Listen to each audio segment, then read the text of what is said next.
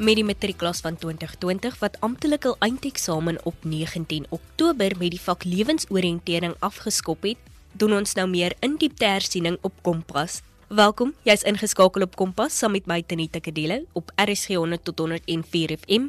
Jy kan natuurlik ook inskakel op ons DStv audiokanaal 813.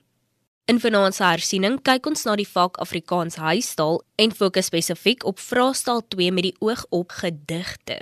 Christopher Banda, die senior kurrikulumbeplanner vir Afrikaans vanaf graad 10 tot 12, is weer op die lyn en hierdie keer gaan hy meer in diepte oor wat jy moet doen wanneer jy die vraag oor gedigte beantwoord en gee ook sommer 'n paar lekker studiewenke. Kompas, jou loopbaanrigtingaanwyser op RSG. In watter vraestel van Afrikaans huistaal in die matriekeindeksamen word gedigte geëksamineer? Tenita dit word in vraestel 2 geëksamineer. Hierdie vraestel tel 80 punte en handel oor gedigte, roman en drama. Die vraag oor gedigte sal in afdeling A van vraestel 2 wees. Afdeling B handel dan oor die roman en afdeling C handel oor die drama. En dan Chris, op watter datum word vraestel 2 van Afrikaans huistaal hierdie jaar geskryf? Hulle skryf hierdie vraestel op Dinsdag 24 November 2020. Ons weet gewoonlik daar is 'n hele aantal gedigte wat die leerders dwarsteer die jaar doen. Hoeveel en watter gedigte moet leerders vir die eindeksamen bestudeer? Rita, hulle moet 12 gedigte bestudeer en hierdie gedigte is en ek gaan nou net die titels lees. 'n Brief van hulle vakansie, kom ek sien maar die digte ook deur Breiten Breitendag. Dan die gedig Eerste Worp deur TT Kloete. Dan Die Sagte Sprong deur Sheila Cousins. Twee veters in die Vondelpark deur Elisabeth Eybers reaksie deur Winnie February op wat Thomas Daniel Granfield deur Ronaldo Kamfer 'n vigsleier sterf deur Vincent Olifant 'n soekersboek deur Fanny Olivier Vincent van Gogh deur die digter die Opperman en dan Lies hy deur Adam Small gesagte omstandighede deur Pieter Snyders en dan die laaste gedig is nog in my laaste woorde deur NP van Wyklou Tot en met dit is baie belangrik dat die leerders al 12 hierdie gedigte bestudeer. Ons weet sommige leerders sê hierdie gedig was al hierdie jaar in, vorige jaar het hulle hierdie gedig gevra, so dit moet nou hierdie jaar volgende gedig of 'n spesifieke gedig wees. Moet asseblief nie spot nie. Want soos jou mense gesê het, spotters hy is brand af. Dink dit is belangrik wat jy sê nee, moet nie spot nie want jy kan dalk net verkeerd wees. Chris, jy het nou 'n hele paar van my gunsteling digters ook daar genoem. Um, ek sien nou Ronaldo Kamfer, Sheila Cousins en Adam Small en dan ook Breitenberg natuurlik. Ons het hierdie ook op universiteit bestudeer by Afrikaans. As jy nou in so 'n rigting wil ingaan, is dit ook dan nou goed dat jy maar nou al voorbereiding doen vir hierdie goed. Beslis, beslis sou jou baie help as jy nou in op skool alreeds deeglik kennis maak met die gedigte van die universiteit en wêrelde in aspekte wat ons nou nou hier na gaan bespreek ja. So hoe behoort leerders vir die vrae oor gedigte voor te berei? Ons sê gewoonlik vir die leerders, hulle moet seker maak dat hulle al die tegniese middele, so dinge soos leestekens, klankeffekte, beeldspraak en spelfigure, dat al hierdie tipe dinge kan uitken, identifiseer en ook die funksie daarvan kan verduidelik. Want dit baat nie jy kan sê dit is 'n oksimoron of dit is 'n vergelyking, maar jy kan nie die funksie daarvan benoem nie. Verder is dit belangrik dat die leerders twee kernvrae oor elke gedig moet kan beantwoord. Hierdie kernvrae is algemene vrae soos wat sê die gedig? Dit beteken wat is die inhoud, tema of die boodskap? Sommige van my kollegas sê wat is die storie van die gedig? En dan die ander belangrike vraag is hoe word dit gesê? Dit wil sê watter middele of tegnieke word in die gedig gebruik? Vervolgens raai ek die leerders aan dat hulle eers alles leer wat die onderwyser behandel en het. Beskou dit as jou vertrekpunt En as jy alles oor 'n gedig geleer het, kom ons neem byvoorbeeld die gedig reaksie. Dan maak jy 'n skoon afdruk van daardie gedig en kyk dan of jy alles wat jy oor die gedig geleer het by die titel, of sy langs die titel, by die belangrike woorde, by elke reël of elke strofe kan neerskryf. Stel jy wil oor die titel sê die titel beteken dit, of jy wil oor reël 1 sê daar kom 'n metafoor voor, of jy wil by reël 5 neerskryf daar's 'n belangrike alliterasie, sulke tipe dinge dat jy dan dit dan doen. Die volgende stap sal wees dat jy dan sal beantwoord dat ons in die Weskaap noem vasleggingsoefeninge oor die betrokke gedig. Ons het in die Weskaap oor elkeen van die 12 gedigte 'n aanlyn toets opgestel en ons het al die skakels van al die toetse wat ek net verduidelik. Die aanlyn toets is opgestel deur middel van Google Forms. So sodra jy die aflê dan word onmiddellik nagesien of die program sien dit onmiddellik na, jy kan onmiddellik sommer jou punt kry. So hierdie aanlyn toetsies is deur middel van uh, WhatsApp op 'n PDF plakkaat aan alle Weskaapse skole gestuur. Ek het daarna verneem dat dit ook aan uh, profskole in die res van die land word gestuur. So dit maar dit is ook op die WKW die e-portaal beskikbaar. Nou hierdie vasleggingsoefening is 'n goeie manier om te seker te maak dat jy darm 'n paar dinge omtrent die gedig weet en dat jou leerwerk vrugte sal afwerp. Daarna dan het ek beveel ek aan dat die leerders nadat alles geleer het en hersieningstoetsie gedoen het, 'n regte eksamenvraag uit 'n vorige vraagstel oor hierdie gedig beantwoord. Byvoorbeeld ek het verwys dat die gedig reaksie van by Februarie in November 2018 is hierdie gedig gevra, dit was 'n volledige vraag, eksamenvraag daaroor gestel. So dan raai ek julle aan om as laaste hersiening dan te probeer om hierdie vraag, die eksamenvraag binne 13 minute te voltooi. En dit is omtrent die tyd wat jy sal nodig hê in eksamen om die so 'n vraag oor die gedig te beantwoord. Ja, gestel jy wil vir jou 'n finale opsomming maak. So sommige kinders hou daarvan om opsommings te maak of diagramme te trek of boomdiagramme te trek of mindmaps kopkaarte te trek. Maar goed, as jy nou al die gedigte al reeds bestudeer het, dan stel ek voor dat jy 'n tabel teken. Ek kies ook op 'n groter dubbelfolio waar jy die belangrikste aspekte van al 12 gedigte uiteensit. Dit sal soos 'n opsomming van al die gedigte wees en as jy dit op alles op een blad sien, dan kan jy dit maklik gebruik finale finale hersiening te doen, miskien 'n uur of twee voor jy eksamen gaan skryf, dit vinnig daarna te loer. Hoe lyk so 'n tabel? In die bokant eerste ry van die tabel sal jy nou aandui die titel van die gedig, woordbetekenis, leestekens, beeldspraak, spelfigure en dan die tema en boodskap. En dan in die eerste kolom, dit was in die linkerkant dan, het jy die titels van die gedigte neer soos nog in die laaste woorde, eerste woord, brief van hulle vakansie en so voort. En dan sal jy in die blokkie onder titel teenoor nog die laaste woorde iets skryf oor wat daardie titel beteken. Byvoorbeeld die woord nog, en jammer, daardie titel is baie belangrik, of die woord word in die titel eerste woord is 'n belangrike woord of brief van hulle vakansie of enigiets wat iets oor die titel skryf jy daar. Gestel daar kom interessante stilfiguur voor, byvoorbeeld die stad wat sprong. Ek het dit daar neerskryf of twee klippe in die Vondelpark, iets oor die titel skryf jy dan daar neer. Dan doen jy dieselfde met blokkie woordbetekenis met leestekens en met elke van die ander blokkies daar. As jy so 'n volledige plakkaat het of tabel het, dan raak dit 'n maklike manier om alles omtrent die gedig op te som of kortliks op te som en saam te vat en dan word jy regte vir die eksamen ja. Jy luister nog na Kompas op RSG 100 tot 104 FM saam met my Tini Teketilo en ons gesels met Christoffel Banda oor die vak Afrikaans huistaal.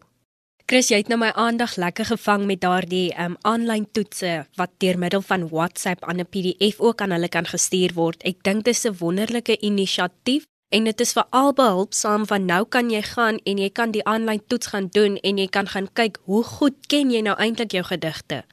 Jy weet maar reg, en dit die aanlyn toets is so opgestel dat jy dit meer as een keer kan voltooi. Bestel jy nou die eerste keer uh nie soos wat wonders gevaar het, miskien maar elke toets tel omtrent 10 punte. Jy weet wat wonders gevaar het en jy dink ek gaan die toets weer probeer so dan kyk jy weer die toets af. Kry omtrent so 4 of 5 seker, maar jy is tevrede daarmee nie. Dan gaan jy terug na jou leerwerk toe en nadat jy weer toets geleer dan kan jy weer die toets kom aflê. So jy kan toets meer as een keer aflê. En ek het nog gesien leerders van stuk gesê reg oor die land het nou reeds sommige van die toetse afgelê. Die toetse sal beskikbaar wees tot aan die einde van die eksamen. Dis regtig 'n fantastiese inisiatief. Christoffel, watter soort vrae word oor die gedigte gestel en hoeveel vrae moet hulle oor gedigte beantwoord en hoeveel punte tel afdeling A? Ja, dit is dit so mondvol maar dit is nie lekker so lank antwoord daarvoor nie. In hierdie afdeling, afdeling A oor die gedigte word daar een opstelvraag gestel en vier kontekstuele vrae opstelvraag en 3 van die kontekstuele vrae handel oor behandelde gedigte. Dit was die opstelvraag en 3 van die kontekstuele vrae handel oor die 12 gedigte wat ek nou hier gelees en gelees het. Een vraag wat is vraag 5 handel oor 'n ongesiene gedig. Nou hierdie vraag is baie belangrik as verpligting. 'n Leerder moet dus uit afdeling A altesaam 3 vrae beantwoord. Vraag 5 wat verpligtend is oor die ongesiene gedig plus nog enige twee vrae.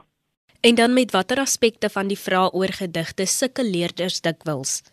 Delita hulle sukkel die meeste na my mening en na die mening van baie onderwysers wat jy gepraat het al met woordeskat.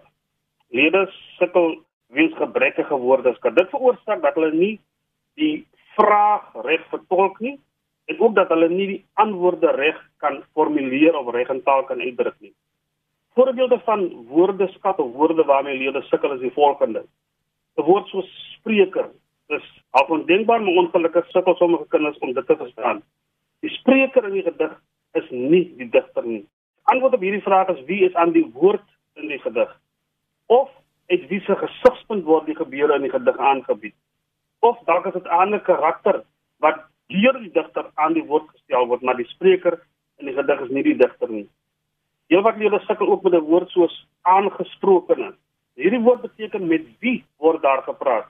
Byvoorbeeld as jy dink aan die gedig Vincent van Gogh deur D. Opperman, aangesprokene in die gedig is Vincent van Gogh die skilder. Die aangesprokene in die gedig reaksie van Winnie February is byvoorbeeld Worry, dan nou die spreker se vriend. Maar dan sukkel leerders ook met 'n woord soos funksioneel of funksie wat dit doen wat eintlik beteken wat word gedoen daardeur en dan die woord soos effektief waarom is iets effektief en hierdie woord effektief daarmee word bedoel hoe goed word dit gedoen ander woorde waarmee leerders sukkel uh, Tanita is 'n woord soos plasing of tipografiese plasing of tipografiese alleenplasing dit beteken eenvoudig dat een woord alleen in 'n reël kan voorkom, dis nou die alleenplasing of dat een versreël los kan staan van die ander versreëls of van die ander strofes. Voorbeelde daarvan kry ons byvoorbeeld in die gedigte Wie's hy deur Adam Small en ook in die gedig Oupa Thomas Daniel Brainfield van Ronaldo Comfort. Hulle sukkel 'n woord soos ondersteun. Hoe ondersteun versreël 5 die titel van die gedig? Met hierdie woord wat bedoel hoe sluit hierdie reël aan daarbey of hoe ja hierdie reël om dieselfde boodskap of betekenis oor te dra. Sommige leerders sukkel ook dan met begrippe, dis net letterkundige begrip soos 'n halfrym.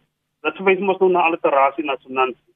En dan iets waarmee baie leerders ongelukkig ook heelwat sukkel is die woord benoem. Benoem die beeldspraak of benoem die stelfiguur. Eenvoudig gestel beteken die woord benoem gee die naam van. So benoem die beeldspraak gee die naam van die beeldspraak of gee die naam van die stelfiguur. En dan verduidelik moet jy nou behalwe dat jy die naam gegee het, word die vraag verder gevoer deur jou te vra verduidelik die beeldspraak. Dan moet jy sê wat die beeldspraak beteken in hierdie geval spesifieke geval. Die stemming of atmosfeer leer sukkel daarmee soms. Dit verwys na die gevoel wat dit by die leser opwek.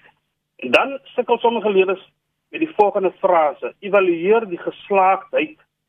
Hiermee word bedoel deur twee dinge moet leerders in gedagte hou hier.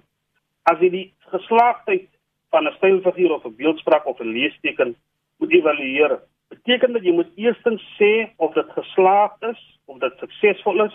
So in hierdie geval kan jy net sê ja, dit is geslaagd of nee, dit is nie geslaagd nie. En dan belangrik, dan moet jy 'n rede gee waarom dit na jou mening geslaagd is of nie geslaagd is nie. Twee ander woorde waarmee leerders sukkel soms uh, Tenita is die woord uithef of uitgehef. Dit beteken eenvoudig hoe word dit beklemtoon? Hoe word die weggaan van die moeder in strofe 5 uitgehef, hoe word dit beklemtoon, hoe word dit benadruk? En dan iets waarmee baie liewes vir Lydia in 2019 vrae gesukkel het, is die woord opgehef. Hoe word die klank stilte opgehef? Opgehef beteken hoe word dit tot 'n einde gebring. Tenita baie leerders word gepootjie deur die woordeskat van die vrae. So daarom is dit belangrik om wel die vorige vrae te werk, seker te maak jy verstaan hierdie woorde veral wat nou wat ek nou bespreek het. Rita dan sukkel sommige leerders om 'n spesifieke antwoord te gee. Hulle gee baie keer 'n algemene of wat die mense noem 'n generiese antwoord. 'n Spesifieke antwoord is 'n antwoord wat binne die konteks van die gedig of binne die konteks van 'n spesifieke strofe of van 'n spesifieke reël aangebied word. Byvoorbeeld, stel hulle op die word gevra, wat is die funksie van dubbelpunt in reël 7? Dan weet baie leerders, die meeste leerders weet 'n dubbelpunt dui aan dat 'n verduideliking volg. So dit sal nou 'n algemene antwoord wees. Maar die vraag is wat is die funksie van die dubbelpunt in spesifiek in reël 7? So die spesifieke antwoord moet wees die aandag of verduideliking van wat of wat of wat ook al volg. So, jy kan net sê 'n verduideliking volg nie. Jy moet sê presies watter aspek word verduidelik. En sukkel sommige leerders ook Tanita om twee kante van 'n saak aan te bied. Baie keer baie dit word vra so gestel dat jy twee dinge moet noem. Soms is dit vir een punt, soms is dit vir meer as een punt. 'n Voorbeeld van so 'n vraag was vraag 4.6 van die 2019 vraestel oor die gedig die sakte sprong. Die vraag het gelees: Hoe kontrasteer die woord vasvat in Veldreël 11 met die titel? Nou in hierdie geval kontras verwys mens na verskil. So jy moet in jou antwoord albei kante van die kontras vir een punt noem.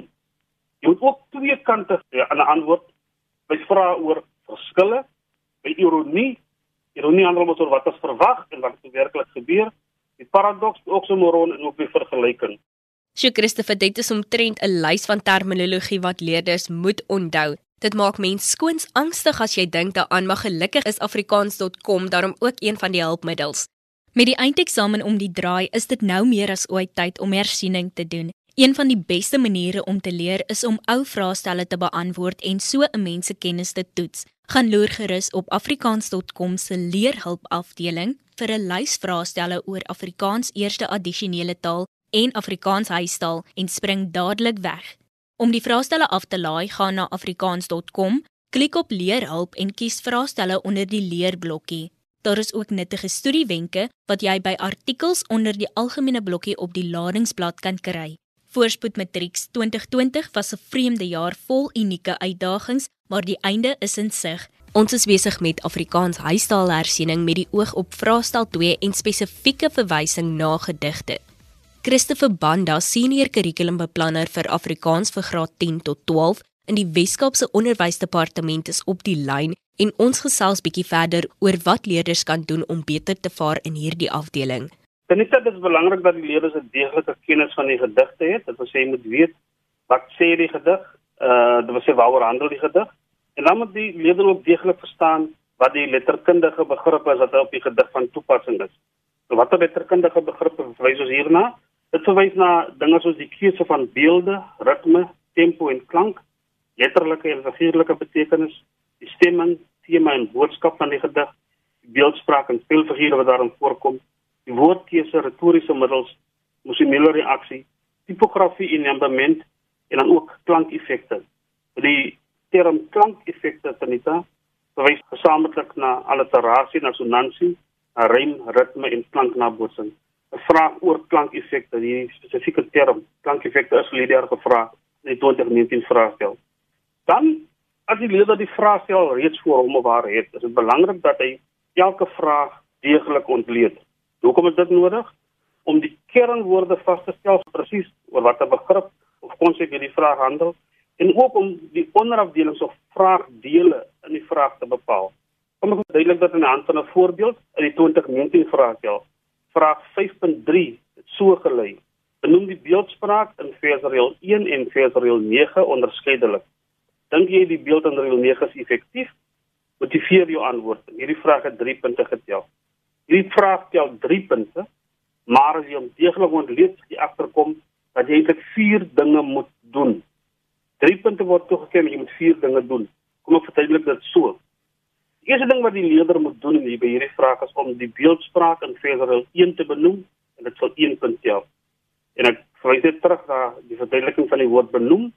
Benoem beteken mos jy moet die naam daarvan gee. Vir die tweede ding wat die leerder moet doen is benoem die beeldspraak in Versreel 9. Dit sal 1 punt tel. Dan moet die leerder sê of hy of sy dink die beeldspraak in Versreel 9 is effektief. En al wat die leerder hier moet doen is sê ja, is effektief of nee, is nie effektief nie. Geen punt word hiervoor toegeken nie. En die vierde ding wat die leerder moet doen is om te motiveer waarom die beeld in reël 9 effektief is as hy so gesê het ja of waarom dit nie effektief is as hy 9 antwoord het. Die drie punte word toegeken vir die beeldspraak in reël 9, die beeldspraak in reël 1 en vir waarom die beeldspraak in reël 9 effektief is al dan nie. So antwoord van hierdie vraag volgens die nasionale riglyne van Olivier was dan in versrol 1 word 'n vergelyking gebruik, in versrol 9 word 'n metafoor gebruik. Ja, die metafoor is effektief, geen punt word daarvoor toegeken nie en dan kom die motivering.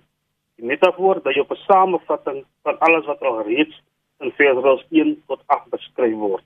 So dit sou 'n goeie ontleding van so 'n vraag wees. Dit beteken wanneer die leerder die vraag kry of die vraag kry, is nie vinnige neerskryf en antwoordjies nie, dis maar dit is dink voor die ink. Bedink, skryf onderstreep en support om ontleed elke vraag deeglik.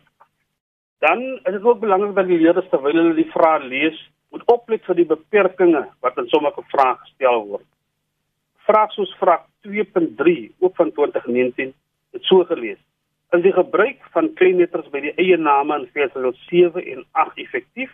Motiveer jou antwoord en skryf hoe hierdie versreëls die inhoud van versreël 6 ondersteun. Vir die laaste deel van hierdie vraag, dit is die gedeelte skryf hoe hierdie versreëls die inhoud van versreël 6 ondersteun. Hy laaste gedeelte handel slegs oor hoe versreël 7 en 8 slegs die inhoud van versreël 6 ondersteun. Dit handel nie oor hoe die laaste gedeelte hoe hy versreëls die inhoud van die hele strofe ondersteun of hoe die boodskap van die gedig ondersteun. Jy word na spesifieke reëls verwys om dit beplaas 'n beperking op die vraag. Jy mag nie jou antwoord na ander ander reëls verwys of na die hele gedig verwys of na die hele strofe verwys nie. Dan die volgende een wat die leerders kan doen om beter te nita, is om seker te maak dat hulle vra of vra wat meer as een punt tel in dieselfde volgorde beantwoord as waarin die vraag gestel is stel jy eers 'n onderafdeling van die vraag wat gaan oor vergelyking, dan beantwoord jy eers dit. En as die volgende deel handel oor 'n metafoor, dan beantwoord jy dit.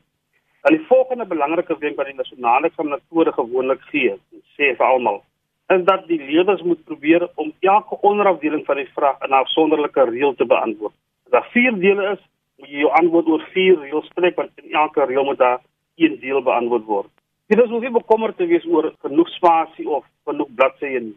Die eksamenboek wat die departement aan die leerders verskaf, het genoeg bladsye sodat jy jou antwoorde so netjies as moontlik kan aanbied. As nasionaal het ek soms die indruk gekry, as nasionaal het ek soms die indruk gekry dat leerders wat alle antwoorde op een bladsy of in een reël indwing, nie ernstig is oor die skryf van eksamen nie. Ek dink die 2020 klas ernstig genoeg om seker te maak dat hulle hulle werk deeglik sal spasieer en so netjies as moontlik sal aanbied.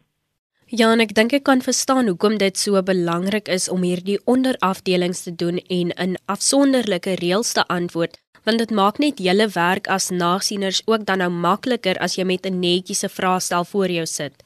Dit is beslis so, Tanita, maar dit help eintlik ook die leerder om seker te maak dat hy elke afdeling of onderafdeling van die vraag beantwoord het om seker te maak dat hy soveel punte as moontlik behaal vir die vraag, ja. En so gepraat van punte, Waar kan leerders lekker punte en selfs volpunte verseker? Is die meeste leerders sal daarmee met my saamstem nie, maar die vraag in afdeling A waar die leerders baie goeie punte kan behaal, is beslis vraag 1, die opstelvraag oor die gedig. Ek weet min leerders of nie genoeg leerders wat sê, uh beantwoord hierdie vraag in die eindeksamen, maar ek wil tog die leerders aanraai oorweeg dit gerus. Jy kan 'n goeie punt behaal in hierdie vraag as jy die opdrag deeglik ontleed soos al reeds verduidelik het, as jy jou antwoord noukeurig beplan en as jy jou antwoord in die vorm van 'n opstel aanbied. Dit beteken met 'n inleiding, 'n liggaam en 'n slot. So die opstelvraag vereis dat jy moet fokus op die aspekte wat die vraag van jou vereis. As die vraag handel oor die beeldspraak, moet jy jou antwoord aanskryf oor die beeldspraak. Jy moet nie bloot die inhoud van die gedig opsom en sê die gedig handel oor die man wat geskilder het en sulke tipe dinge nie. Jy moet jou argumente deur middel van bewyse uit die teks wie om dit skryf en ondersteun. Wat is die struktuur van die opstelvraag Anita? Dis 'n gewone opstel. Daar moet 'n inleiding wees. Die inleiding moet 'n sonderlike paragraaf wees. Al bestaan dit net een sin of is dit enkele sinne. Die inleiding moet ook met die vraag verband hou. Dan die volgende deel van die opstel is die liggaam. In die liggaam moet daar argumente wees. Nou wat hoe lyk 'n argument? Argument bestaan in die volgende: stelling plus 'n verduideliking of 'n stelling plus 'n gepaste aanhaling. Dit is maklik om aanhalings te gebruik in die gedigte want die gedig word volledig vir jou gegee. Gestel jy maak 'n stelling, daar kom 'n goeie vergelyking in reël 1 voor. Dan kan jy die vergelyking wat in reël 1 staan kan jy aanhaal as bewys om jou stelling te ondersteun. Ook 'n stelling plus 'n aanhaling of omskrywing in jou eie woorde. Soos lekker argumente, stelling plus 'n verduideliking plus 'n gepaste aanhaling of plus 'n omskrywing in jou eie woorde. So dit is een van die drie maniere: stelling, verduideliking, aanhaling, omskrywing. En dan moet jy opstel 'n slot hê. En die slot moet soos die indeling ook 'n afsonderlike paragraaf wees. Die slot moet by die vraag verband hou en dit behoort ook by die inleiding aan te sluit. Ek wil net die volgende noem, eh, Tanita. Die feit dat ons nou drie dele noem waar die opstel bestaan. Inleiding, die liggaam en die slot beteken nie asseblief tog nie die liggaam een groot deel moet wees nie. Die liggaam kan nog steeds afsonderlike paragrawe afsonderlike paragrawe bestaan. Dit beteken nie dis amper soos Jan van Riebeeck geskryf het een lang stuk sonder 'n paragraafindeling is nie. Nee, die liggaam kan nog steeds ook uit persoonlike paragrawe bestaan. Die heel laaste boodskap Telita. Die matriekeksamen is dalk die einde van jou skoolloopbaan, maar dit is ook die begin van die res van jou lewe. So kom ons maak dit 'n goeie begin. Baie sterkte. Baie dankie Christopher dat jy saamgekyer het en die ongelooflike wenke gedeel het. Ek is seker dat graad 12 nou baie meer gemaklik is met hierdie afdeling. En dankie aan ons luisteraars dat julle ingeskakel het. Onthou indien jy enige navrae of terugvoer het van vanaand se program, kan jy SMS stuur na 45889 teen R1.50 per SMS of 'n e-pos na kadelo@sabc.co.za. Kompas word aan jou gebring in samewerking met SABC Opvoedkunde en die Wes-Kaapse Onderwysdepartement. Jy kan natuurlik ook die Wes-Kaapse Onderwysdepartement se webtuiste by wcedeportal.co.za besoek vir talle studiehulpbronne en materiaal wat jou kan help om met vleiende vaandels te slaag. Dan is daar natuurlik ook SABC Opvoedkunde se Woza Matrieks. Die einde is in sig en die matriekeksamen is om die draai. Woza Matrieks is hier om te help met matriekhersiening in Oktober en November. Vir 4 uur per dag, 7 dae per week op SABC3, OpenView, DStv Ketchup vanaf 8 tot 10 in die oggend en 'n tweede sessie vanaf 1 tot 3 in die middag, kan jy na eksamenwenke kyk of luister in 10 matriekvakke. Eet goed, kry genoeg slaap in en doen gereelde oefeninge maar moenie vergeet om Woza Matrix deel te maak van jou weeklikse skedule nie. Woza Matrix word aan jou gebring deur die Departement van Basiese Onderwys en Vernote. Dit bring ons kompas kuier vir vanaand dan tot 'n einde. Percy Mogale was ons regisseur en van my Tenita Kadelo tot môre aand. Totsiens.